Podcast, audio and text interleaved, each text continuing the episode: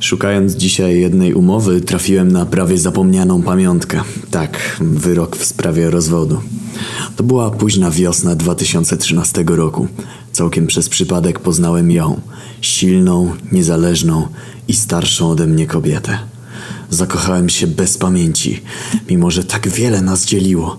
Ja wtedy sekretarzyłem w lokalnej strukturze palikociarni, ona biuro promocji PiSu.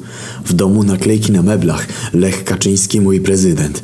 Moja miłość do niej sprawiła, że nie zwracałem na to wszystko uwagi. Była tylko ona. Po pierwszym naszym spotkaniu pojechałem do pracy.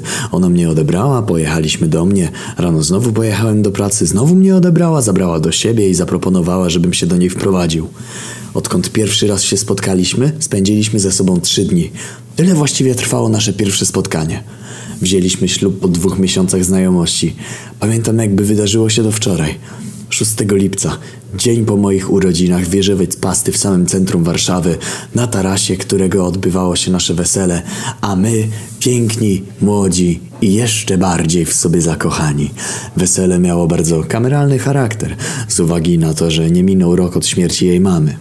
Było magicznie przez trzy miesiące po naszym ślubie. Pewnego dnia moja ukochana przyszła do mnie z pewną prośbą.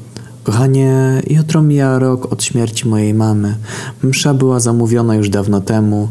Chciałabym, żebyś poszedł dzisiaj ze mną do spowiedzi, a jutro, żebyś razem ze mną przyjął komunię na mszy za nią. Co się właśnie odjebało?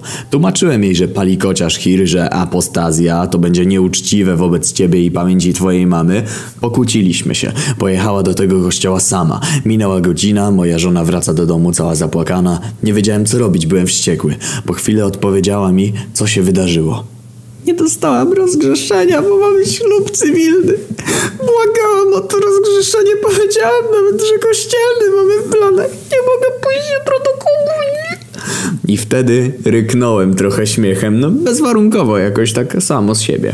Zapytałem, płaczesz, bo jakiś szmaciarz w sukience nie dał ci rozgrzeszenia? To ma być powód, który doprowadził cię do takiego stanu? Kurwa, myślałem, że ktoś ci zrobił krzywdę, a ty przychodzisz załamana z czymś takim. Strasznie się o to pokłóciliśmy. Poleciały wyzwiska, szyderstwa. Doszło na końcu do szarpaniny, no ale wiecie...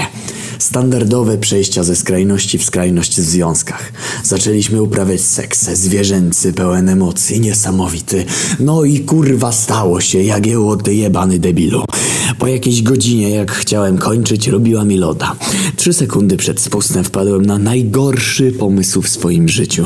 Pomyślałem sobie, no chuj, skoro nie pójdziesz jutro do tej jebanej komunii i nie przyjmiesz tego pierdolonego wafelka, to ja ci dzisiaj zapodam komunię. Sekundę przed spustem trzymając ją za włosy resztkami sił, wykrztusiłem z siebie ciało Chrystusa. Jak możecie się domyślić, moje małżeństwo nie przetrwało tej komunii.